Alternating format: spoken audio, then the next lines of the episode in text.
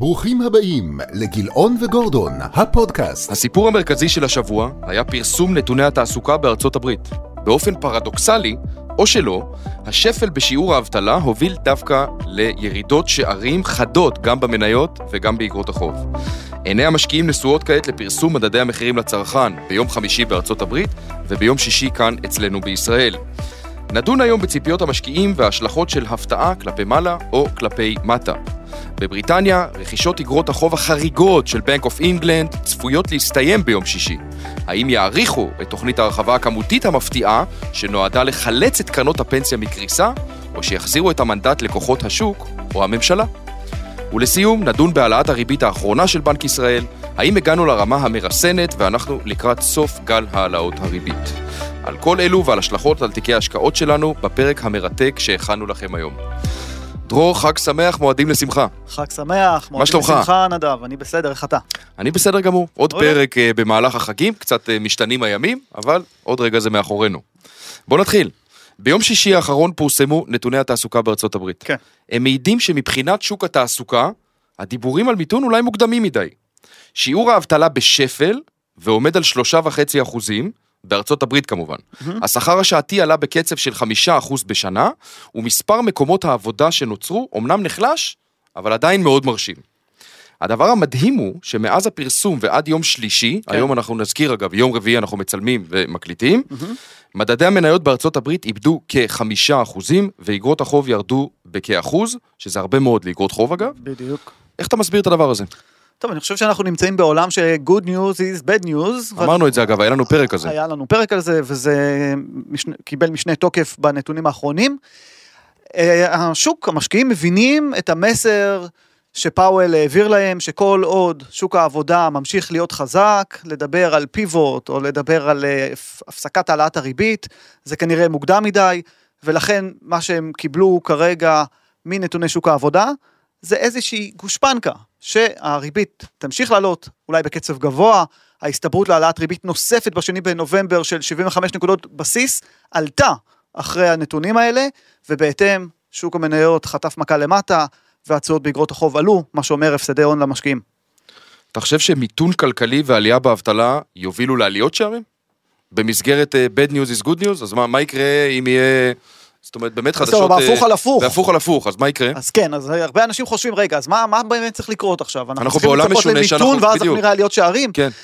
וזו שאלה שהיא טריקית, כי אני חושב, גם אם מסתמכים על נתונים מהעבר, שכשהפד בתקופה של משבר מתחיל להוריד את הריבית, השווקים ממשיכים לרדת. כי מה שאנחנו רואים היום, כי המצב רע. המצב רע, ומה שאנחנו רואים היום זה עדיין הקשיים שאנחנו רואים בכלכלה הפיננסית בשוקי ההון, לא הגיעו לכלכלה הריאלית. זאת אומרת, אתה לא באמת רואה את החברות משחררות אזהרות רווח, זה עוד לא קורה. אתה לא באמת עדיין רואה במקומות רבים בארץ וגם בארץ ובעולם, אתה לא באמת רואה את שוק הנדל"ן יורד. זאת אומרת, יש פה איזשהו פער. גם זה, אבל אפשר לסייג, כי כן צופים אולי לאזהרות רווח של יצרניות השבבים למשל, שנקלעו למשבר.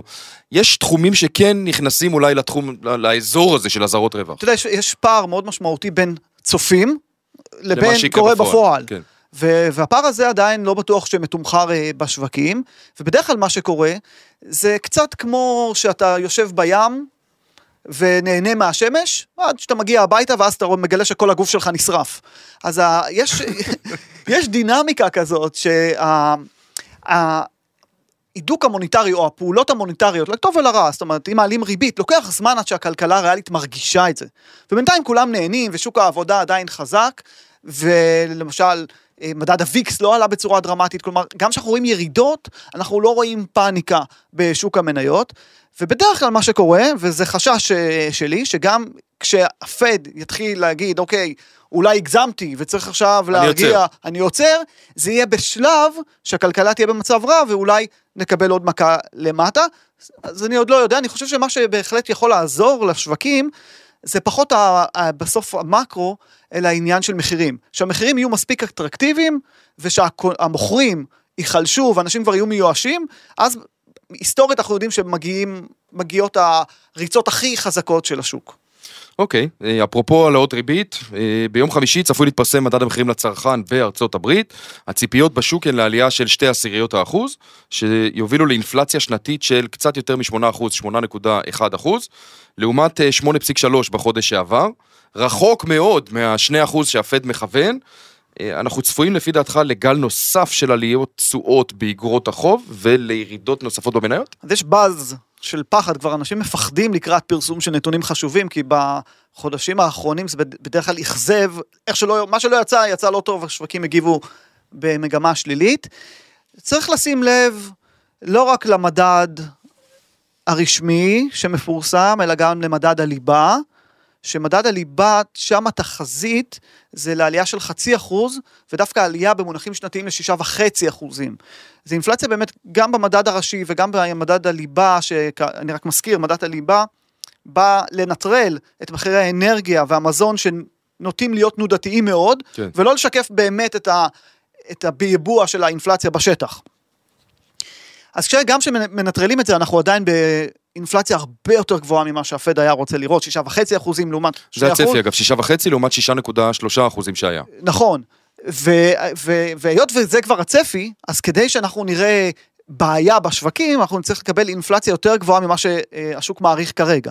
זאת אומרת, אם אנחנו נראה את האינפלציה ממשיכה להיות גבוהה כמו שמצפים, אין סיבה לחשוב שתהיה התנהגות שלילית בשווקים.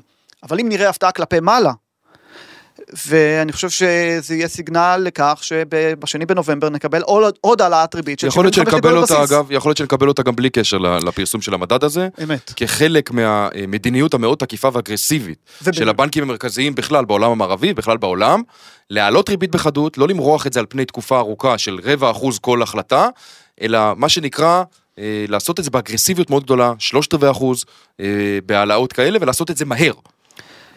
כן, זה יכול להיות בכל מקרה, וזה גם, מת- אתה יודע, זה מתחבר לנתוני שוק התעסוקה שיצאו חזקים, ובגלל זה גם השוק ירד, כי הוא כאילו אומר, אוקיי, הסתברות למה שאתה אומר, 75 נקודות בסיס העלאת ריבית בנובמבר, עלתה. תוסיף לזה עכשיו אה, הפתעה כלפי מעלה במדד, לא, אם זה שזה יקרה, יהיה, אז נכון. אנחנו שם. ו... אני לא כן, בטוח אבל שההפתעה כלפי מטה בהכרח תגיד שלא יעלה בשלושת רבעי אחוז אלא פחות. נכון, אבל אני מניח בטוח. שהשוק יגיב בחיוב. אוקיי, גם בישראל צפוי להתפרסם המדד ביום אה, שישי הקרוב, הצפי כרגע הוא לעלייה של עשירית האחוז. איך כן. לפי דעתך אה, צפוי המדד להשפיע, להשפיע על תוואי העלאות הריבית של בנק ישראל? אוקיי, אז בישראל נראה שהאינפלציה היא פחות אישיו, וגם הלחץ מהעלות ריבית נראה שנרגע. זאת אומרת, בנק ישראל העלה את הריבית ב-75 נקודות בסיס בהחלטה האחרונה, שזה היה נראה הרבה. אבל הוא דאג לשדר מסר, אגב, אנחנו אמרנו את זה בפודקאסט הקודם לפני יום הכיפורים, הערכנו שהוא יעלה בשלושת רבעי אחוז, שזה באמת היה אגרסיבי מצידו. נכון, זה היה כאיב, העבירו עליו הרבה ביקורת, אולי לא היה צריך להעלות את הריבית כל כך הרבה. ובנק ישראל, לצד העלאת הריבית הזו, דאג לשדר מסר, אגב, לא בהודעת הריבית, וגם לא בנאום שהוא נשא במסיבת עיתונאים, אלא כמענה כביכול לשאלה של עיתונאים.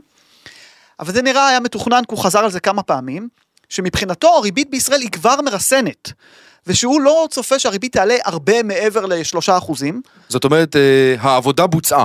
נראה עבוד- שאנחנו בכיוון הנכון, הריבית עלתה מספיק. אה, ואני כבר מרגיש האטה. מרגישים את ההאטה? כן, יש סימנים ראשונים. ורואים את הסוף של העלאות הריבית ממש אה, באופק. זה בעצם הסאב קונטקסט של מה שהוא אמר, ו...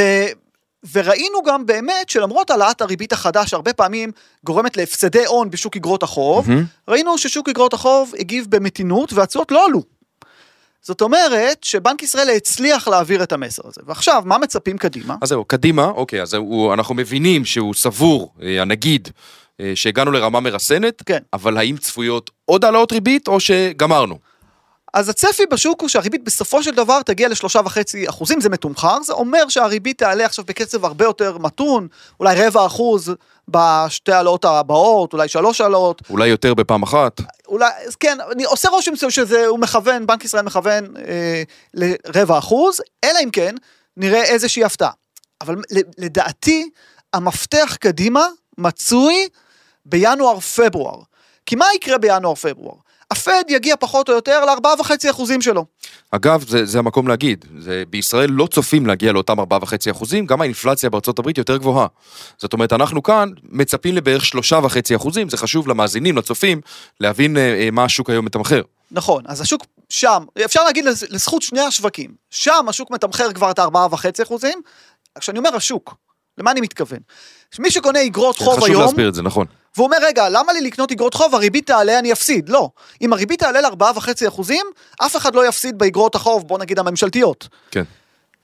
אם הריבית בישראל תעלה ל-3.5 אחוזים, גם אנשים לא יפסידו, כי השוק פה מגלם ריבית של 3.5 אחוזים. נכון, זה חידוד חשוב מאוד. נכון, אז אני חושב שהשוק מיושר עם הבנקים המרכזיים, דרך אגב זה מאוד חשוב, זה אומר שמאמינים לבנק, לבנקים המרכזיים. עכשיו, אז מה יקרה בינואר-פברואר? בינואר-פברואר אנחנו נהיה פחות או יותר במקום שהבנקים המרכזיים רוצים לקחת אותנו. ואז תשאל השאלה, מה קרה לאינפלציה? ואם האינפלציה תישאר 6% וצפונה בארצות הברית, או 4.5% וצפונה בישראל, הבנקים המרכזיים לא יוכלו לעצור. אתה ו- חושב שהם ייתנו לזה זמן אבל? זאת אומרת איזושהי הפסקה, איזושהי רגיעה כדי לראות שהמגמה היא כלפי מטה?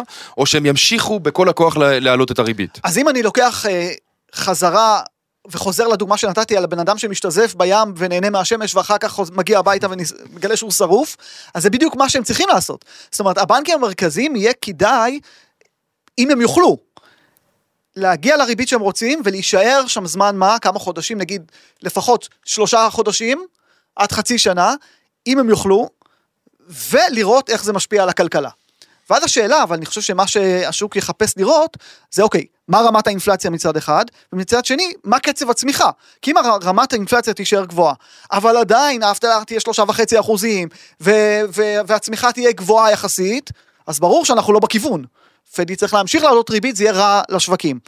אז אני חושב שכרגע אנחנו פחות בקטע של הפסדי הון באגרות החוב, ויותר בקטע של אה, תשואה שוטפת, אולי רווחי הון, אולי נגיע לזה בהמשך, אבל אה, חשוב להגיד, זה המבחן האמיתי הבא, הולך להיות ינואר-פברואר, עד אז, זה אה, מבחינת לפחות שוק החוב, אני מצפה לסטיית תקן יותר נמוכה ממה שראינו.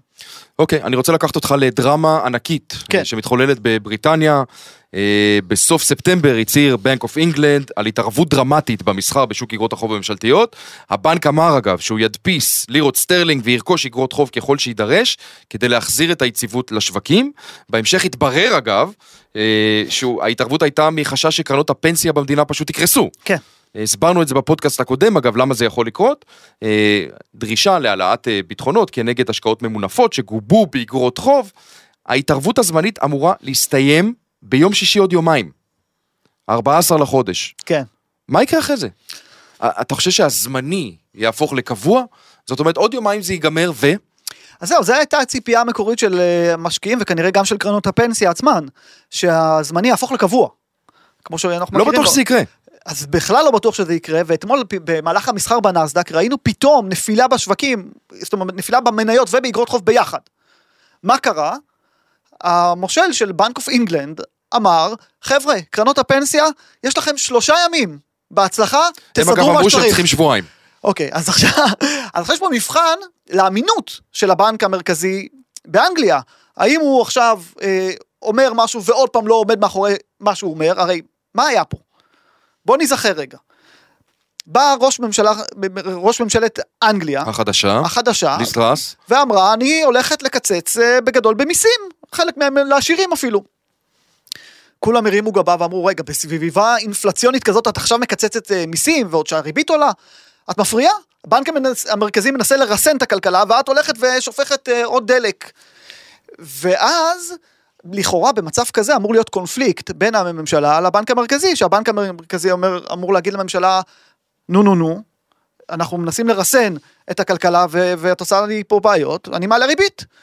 אבל הוא לא יכל לעשות את זה, כלומר, הוא העלה ריבית מצד אחד, ומהצד השני, קרנות הפנסיה כמעט קרסו, והוא היה חייב להתערב ולקנות אגרות חוב, כי הוא התשואות שם התערב כל כך עלו. אגב בצורה מאוד מאוד משמעותית, אה, הוא רכש אגרות חוב ממשלתיות, כלל גם אגרות חוב צמודות מדד, זאת אומרת היה שם באמת הייתה רכישה all over. all over.